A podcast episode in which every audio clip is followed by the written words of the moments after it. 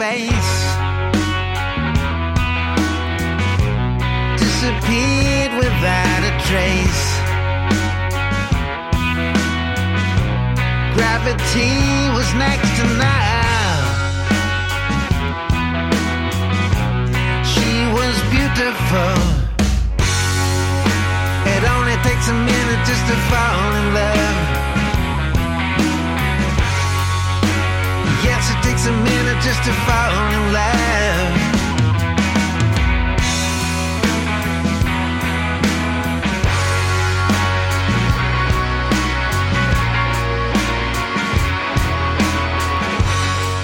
es el cantante de Boston, Nat Friedberg, con el tema solamente Dame un minuto de su disco Witcher Late That Never del año 2019. Vamos a estar con Sergi Reboredo, que es un entendido en trenes, en trenes por el mundo, así se llama un libro de gran formato que acaba de publicar. Sergi Reboredo nació en Barcelona en el año 1971, es fotoperiodista especializado en reportajes de crítica social y también fotografía de viajes. Lleva más de 20 años de profesional y conoce más de un centenar de países. Ha publicado guías de viajes mm, de ciudades como Bangkok, Nueva York, Berlín, París y tiene, además de Trenes por el Mundo, en gran formato libros como 101 lugares por el mundo. Ha recopilado en Trenes por el Mundo 20 recorridos en tren desde los lujosos a los más populares, pasando por trenes turísticos, convencionales. Son más de 30.000 kilómetros por ferrocarriles diseminados por los cinco continentes, comenzando por Europa y terminando en Oceanía. La obra constituye un manual de viajes en ferrocarril por espacios de un alto valor paisajístico, cultural, patrimonial, viajes que el autor ha experimentado en primera persona y algunos de estos viajes pues nos lo cuenta Sergi Reboredo. ¿Qué tal estás? Muy buenas noches. Muy buenas noches, muy bien. Aquí, aquí en casa. Sí, Sergi, bueno, en casa, claro, porque estás ahí parado, pero bueno, con muchas ganas, ¿no? Porque seguramente que para ti una temporada habitual es marcharte a menudo de casa. Sí, por eso lo decía, pues porque llevo ya varios meses que, que estoy aquí sin, sin viajar y ya tengo ganas, ya tengo ganas. Ya te sentirás raro. Pues sí, pues sí, tanto tiempo, aunque tenía mucho trabajo ¿eh? acumulado de fotos, que, que seleccionar, que editar, bueno, es, es un trabajo que nunca se acaba el mío. Sergi, ¿y cómo combinas ese trabajo, tu obra, no? Porque lo combinas entre reportajes así sociales y también fotografía de viajes, a veces turísticos y demás. ¿Cómo, cómo haces para cambiar todo esto y cómo a veces igual, yo que sé, se te revuelve algo que dices, aquí voy a hacer fotografía social porque esto hay que denunciarlo? Bueno, la verdad es que en todas partes hay, en todos los lugares del mundo hay cosas que denunciar, ¿no? Eh, quizás la combinación eh, está bien porque eh, a lo mejor ni la vida es eh, tan tan dura como, como a veces eh, la contamos ni tampoco es tan fantástica como, como las revistas de viajes, ¿no? La mezcla es, yo creo que es la, la vida real, ¿no? A mí me va bien eh, esta mezcla porque eh, en el fotoperiodismo es difícil pues que alguien te sponsorice, eh, alguien que te pueda sponsorizar un viaje, ¿no? Entonces eh, eso sí que es posible con, con el turismo y aprovechas ya que estás en un país pues a lo mejor para hacer varios temas y no quedarte solo con, con lo superficial de la fotografía de viajes, ¿no? Has Eh, vivido muchos momentos impactantes. Por ejemplo, ahora me viene a la memoria fotografías tuyas sobre el vudú en Haití. Sí, correcto, sí, sí, este fue un viaje que hice a la República Dominicana, un reportaje de viajes, que estaba en un encargo que, que tuve, y aproveché para hacerlo coincidir con el, con el vudú que, se, que, que había en el mes de, de junio, creo recordar, en, eh, allí en Haití, y que está al lado, y entonces pues me desplacé y hice los dos temas, ¿no? Esto es lo que suele funcionar bien, porque para el tema del fotoperiodismo eh, es difícil encontrar encontrar dinero, ¿no? Es, es, es un trabajo más más menos agradecido en este sentido, ¿no? ¿Cómo fue ese encuentro con el vudú? Porque fuiste a unas cascadas, ¿no? Que ahí la gente se mete en las cascadas.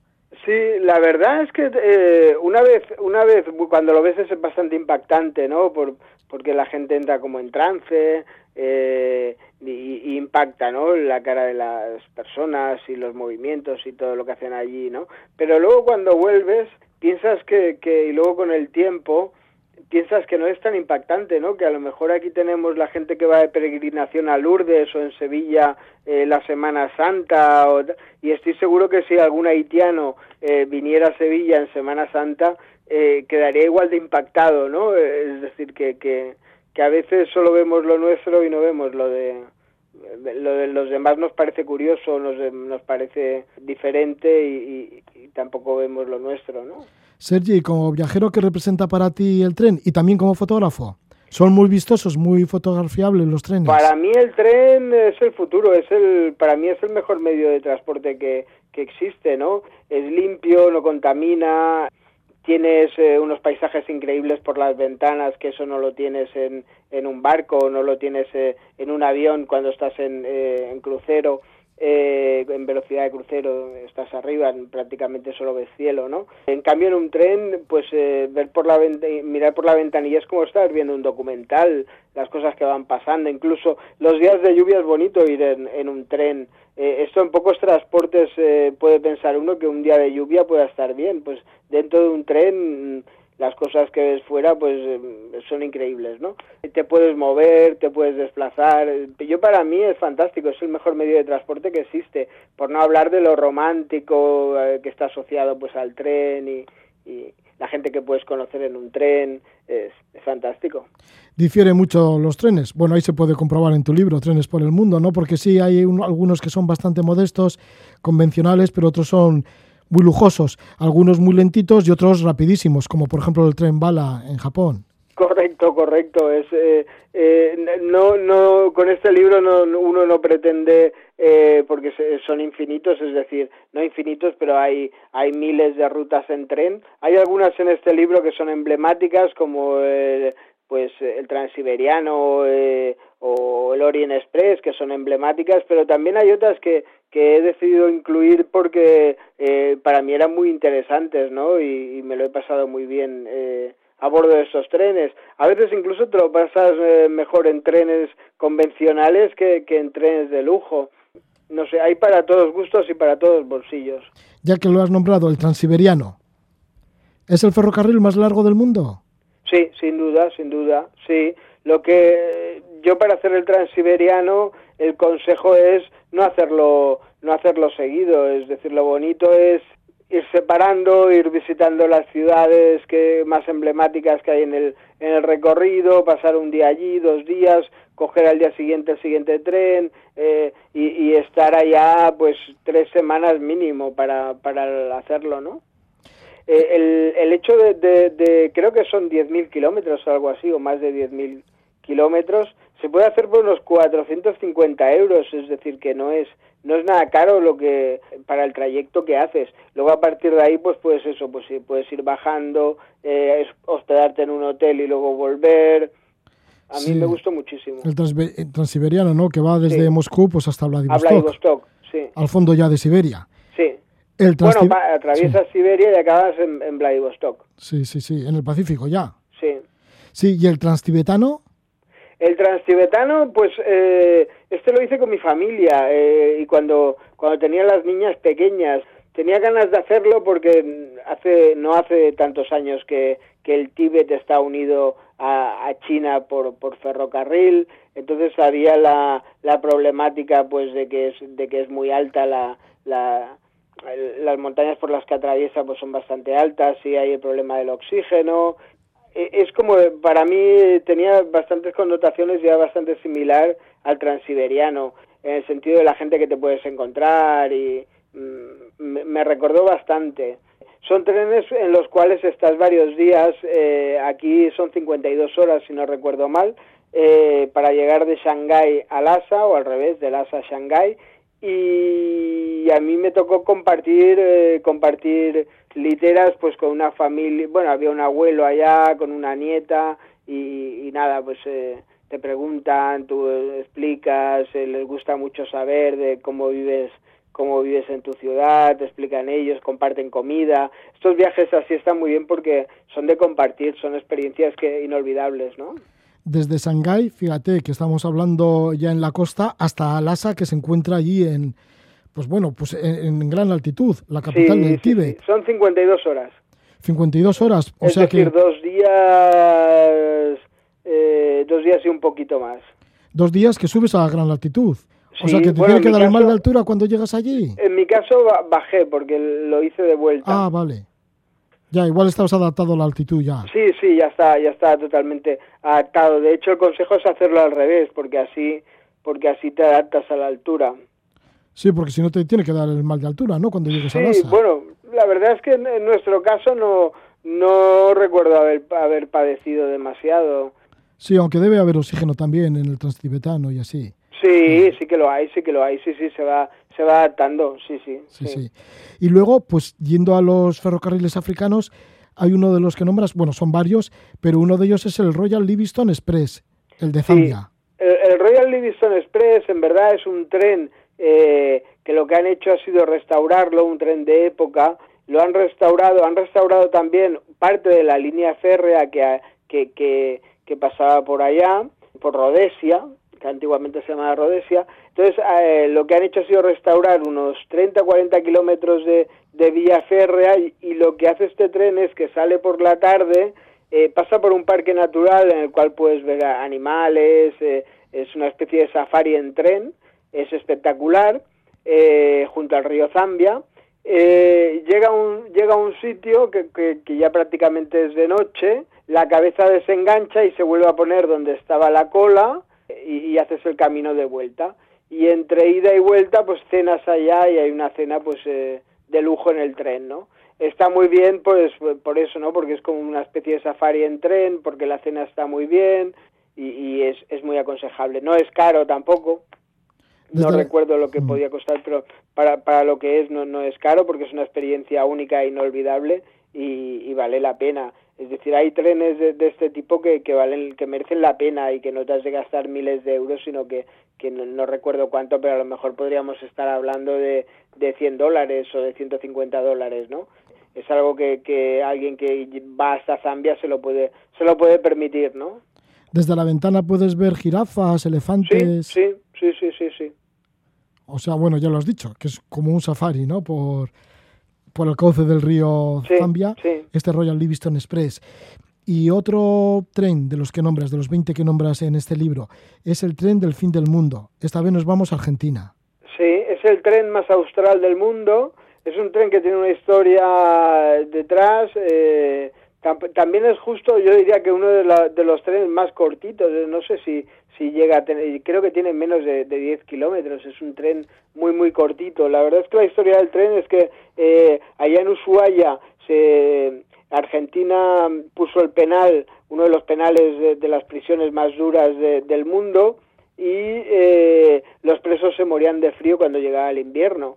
Entonces, eh, los mismos presos construyeron, eh, para, para no morirse, construyeron esta línea férrea que lo que hacía era, eh, se desplazaba de la prisión hasta un bosque que había cercano para ir talando los árboles y ir llevándolos a la prisión para así poder pues calentarse, calentar la comida y entonces lo que han hecho ha sido reconstruir esta esta bueno ya estaba la vía pero han, han puesto un tren eh, que te explican la historia de los presos y, y te lleva justo a donde están eh, estos árboles que todavía están las marcas de los árboles talados a, a ras de suelo y, y bueno tiene una historia que, que, que detrás no que, que es interesante de conocer Sergi, ¿cómo llegaste hasta este tren del fin del mundo?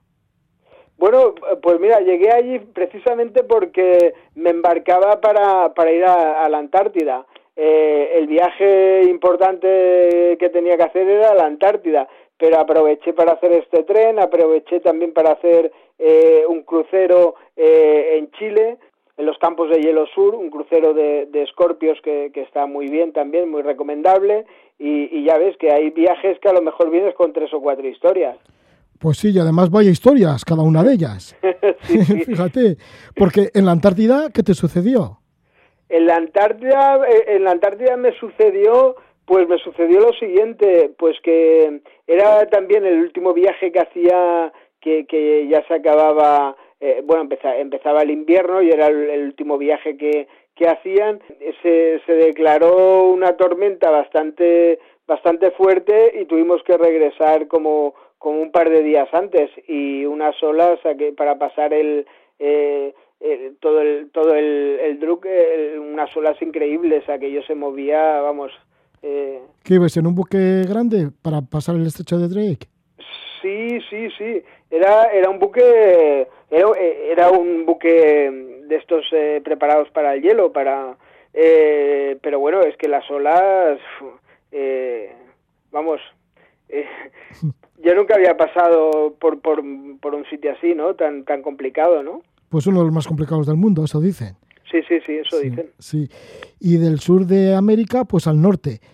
Eh, otro de los ferrocarriles que aparecen en tu libro, estamos con Sergio Roboredo, que nos está hablando de su libro de gran formato, Trenes por el Mundo. Bueno, pues otro es el Royal Canadian Pacific. Sí, este, este tren está muy bien en la zona de, de Canadá. Además, eh, esta zona es muy turística. Mm, se puede se puede hacer. Eh, mucha gente me dice, hostia, pues yo he estado yo he estado en esta zona y no sabía que, que, que había un tren que, que pasaba por allá, ¿no? y es una zona de lagos que, que, es muy bonita de ver y que al que incluso si no te gusta si no te gusta ir en tren eh, puedes visitarla en coche tranquilamente también es es una eh, es es por las rocosas y ya que el paisaje de allá es eh, vamos es increíble sí sí recuerdo ahora que sale de Calgary y, y atraviesa las montañas rocosas y el paisaje es espléndido eh, estos paisajes a veces dices, ya me gustaría estar fuera en vez de dentro del tren. cuando ves, cuando ves paisajes así, dices, si yo, si estuviera, este lo haría en coche otra vez, aparte del tren, volvería en coche porque así me puedo parar aquí, me puedo parar allí. Paisajes montañosos, ¿no? Como las rocosas. Sí, sí, sobre todo paisajes cuando ves determinados paisajes, eh, sobre todo al atardecer, pues, pues eso, ¿no? Te gustaría fotografiarlos en vez de por la ventana, eh, pues pararte y, hacerlo bien, ¿no? Hacerlo detenidamente y absorber más el paisaje, ¿no? Porque estos trenes, algunos tienen la ventaja de, de, que la ventanilla se puede bajar, pero otros resulta complicado hacer fotografías porque eh, a lo mejor las ventanas están cerradas, eh, no hay ningún hueco por el cual puedas sacar la cámara, las ventanillas a lo mejor no están lo limpias que deberían estar. Fotografiar desde un tren tampoco es fácil, no es, no es tarea fácil. El tren está en movimiento, eh, es complicado. En el caso del Royal Canadian Pacific, ¿hay facilidades para ver el paisaje? No es de los que no es de los que la ventanilla se abre, es de los complicados. y hablando de ferrocarriles por montaña, uno de los más especiales es el Glaciar Express. Nos vamos a, los Alpes suizos, porque es un tren panorámico que recorre paisajes emblemáticos de los Alpes suizos. Sí, sí, sí. Eh, Además transita hace ya casi un siglo. Sí, sí, sí, va de San Moritz a Zermatt o al revés, o de Zermatt a San Moritz. Eh, es un tren además de los que tampoco son eh, excesivamente caros. Bueno, estamos hablando de Suiza también. Suiza no es no es un sitio barato, es un sitio caro, pero es un tren que, que, que económicamente para lo que para lo que es y el país que está, pues que, que merece merece la pena. Estás prácticamente un día, bueno, un día, una jornada, sí, porque dura unas ocho horas, si no recuerdo mal, dura unas ocho horas, eh, te dan de comer también, eh, los paisajes son increíbles, los Alpes suizos, eh, las estaciones por las que pasa también, eh, también son increíbles. Y sobre todo hay un viaducto, hay un viaducto que, que, que, que vamos, a mí me fascinó, me fascinó tanto que cuando, cuando llegué a Zermatt, al, al día siguiente lo que hice fue coger otro tren de vuelta para que me, para que me dejara en la estación de antes y hacer un pequeño trekking hasta llegar al, al viaducto y fotografiarlo bien. ¿Y cómo es este viaducto? ¿Que es muy grande, muy extenso, muy largo? Es, es eh, hace curva, entonces tiene unas arcadas allá muy grandes, eh, te podría decir a lo mejor no sé cuántos metros, pero mm, más de 20 metros de alto seguro. Eh, tiene como tres o cuatro arcadas muy grandes y hace curva y se mete dentro de una montaña. O sea, que es una obra de arquitectura. Es una obra de arquitectura y, es muy bonita de ver. Entonces fotografiar esto fue, fue increíble. Pues sí, aparecen muchos trenes legendarios, como por ejemplo este que estamos nombrando, el Glaciar Express, y otros muchos, el Transiberiano, estamos nombrando también el Transtibetano, hemos nombrado también el Royal Livingstone Express de Zambia, el Royal Canadian Pacific. Aparecen otros como el de Gan en Australia o hablando de legendarios, el mismo Orient Express. Esto en Europa, ¿no? Que son kilómetros de leyenda. Estos son kilómetros de leyenda, de espías, pero eh, yo incluso diría bueno, ahí está la novela de Agatha Christie, ¿no? Asesinato correcto, correcto. Yo, diría que todavía están viviendo de la novela de Agatha Christie, que está un poco sobrevalorado. Sí, que eh, salió allá por 1934. Sí, sí, sí, correcto. Y bueno, es un tren también de lujo o semilujo porque no tienes no tienes aseo en la en el compartimento, son compartimentos muy pequeños, porque por ejemplo, si no recuerdo mal este tren, eh, en un mismo vagón hay unos nueve compartimentos, cosa que por ejemplo eh, en los eh, en el nuestro, en el, en el transcantábrico, en un vagón hay cuatro. Eh, imagínate, ¿no? El espacio que puedes tener en un vagón dividido entre cuatro no es lo mismo que el de nueve, ¿no? El de nueve el sofá se hace cama, en el transcantábrico no, tú tienes una cama, tienes una bañera de hidromasaje, bueno, es lo que te decía, ¿no? yo creo que el Orient Express todavía está viviendo de, de pues de la Agatha Christie de la novela, ¿no? Haces el eh, recorrido de Londres a Venecia. El recorrido, en verdad, eh, empieza en Estambul y acaba en Londres. Eh, lo que pasa es que yo hice el tramo de Venecia a Londres. Es decir, me, me no hice el tramo eh, inicial que, que, empieza en Estambul. Tiene que ser bonito también lo que se ve por, por la ventanilla, ¿no? Pasar por tantos sitios de Europa. Sí, sí, es increíble. Vas pasando por Innsbruck, vas pasando, vamos, atraviesas, atraviesas media Europa, ¿no? Y por la mañana pues amaneces en París y, y, a media tarde estás en Londres, ¿no? Es increíble, ¿no? Y claro, las historias que hay detrás de este tren, pues, pues son increíbles. Sí, ya has nombrado el Transcantábrico, también aparece en Trenes por el Mundo, también está al Andalus, una semana de recorrido por ahí por el sur, por Andalucía, pero vamos a terminar con el Maharaja Express Train, esto en la India. Hablando de ferrocarriles no nos podemos olvidar de la India. Sí, sí, sí, y además es también uno de, de, mis preferidos, porque es un tren... Eh, a ver, sorprende sobre todo porque allá en la India pues... Eh, el tren, la decoración, cómo va vestidas las personas, todo, todo lo que hay detrás de, de este tren es, es increíble, ¿no? Y aparte estos trenes, antiguamente los, se llama así, se llama eh, maharajas, porque los maharajas tenían trenes eh, para desplazarse de un sitio a otro, trenes de lujo. Entonces lo que han hecho ha sido restaurar, restaurar esos trenes, ¿no? Y la gente, pues los, camareros van con el turbante, eh, hay una serie de parafernalia rodeando al tren, pues que, que ya lo convierte en algo especial, ¿no? En, en algo increíble, ¿no? El recorrido es de, de, Nueva Delhi a Mumbai o de Mumbai a Nueva Delhi. No hay demasiados kilómetros, yo diría que hay menos de 1.500 kilómetros de, de distancia y también estás como el Transcantábrico, pues unos 8, 9, 8 días, 7 noches, algo así y vas pasando igual por los lugares más emblemáticos, pues visitas el, el Taj Mahal, haces una parada en el Taj Mahal, eh, en Jaipur, eh, también, también vas por parques nacionales como el como el, el Rantambore y allá vas buscando a ver si encuentras el tigre. Yo no, yo no tuve la, la suerte de ver el tigre de Bengala, pero ha habido gente pues que, que, le ha tocado la suerte de, poderlo ver de cerca, ¿no? Sergi, y... como fotógrafo, ¿alguna vez te has acercado a alguno de estos animales? ¿Has tenido la oportunidad de retratarlos? Aunque lo tuyo no es, eh, no es la fotografía de, fauna y así, ¿no? Pero bueno, casualmente igual sí. Eh, tigres de Bengala, no. no, no, no, otro animal en cualquier otra parte del mundo, ¿no? Ya porque este libro en, África he hecho visita todos los continentes. En Zambia, en Sudáfrica, eh, he hecho infinidad de safaris o, o, o también animales. Yo recuerdo eh, yo recuerdo lo que hemos hablado antes en, en la Antártida pues eh, pues allá eh, las colonias de pingüinos y, los leones marinos y todo lo que ves allá eh, la cantidad de, de, fauna que ves es increíble. Y además el, el, el tiempo no que ves que, que, que está nevando que hace un frío de menos 15 grados los animales es eh, yo creo que es lo, lo, lo más increíble que, que, he vivido ha sido allá, ha sido en la Antártida. Pues ahí está la Antártida y ahí están todos esos trenes que nos has nombrado. El último de ellos, el Marajá Express Train, en India. Muchísimas gracias por estar con nosotros, Sergi Reboredo, fotoperiodista y autor de este libro, Trenes por el Mundo, que lo edita Anaya Turing. Hasta otra ocasión, Sergi, que vaya todo bien gracias y, que puedas, y que puedas volver a viajar pronto. Muchísimas gracias. Un saludo.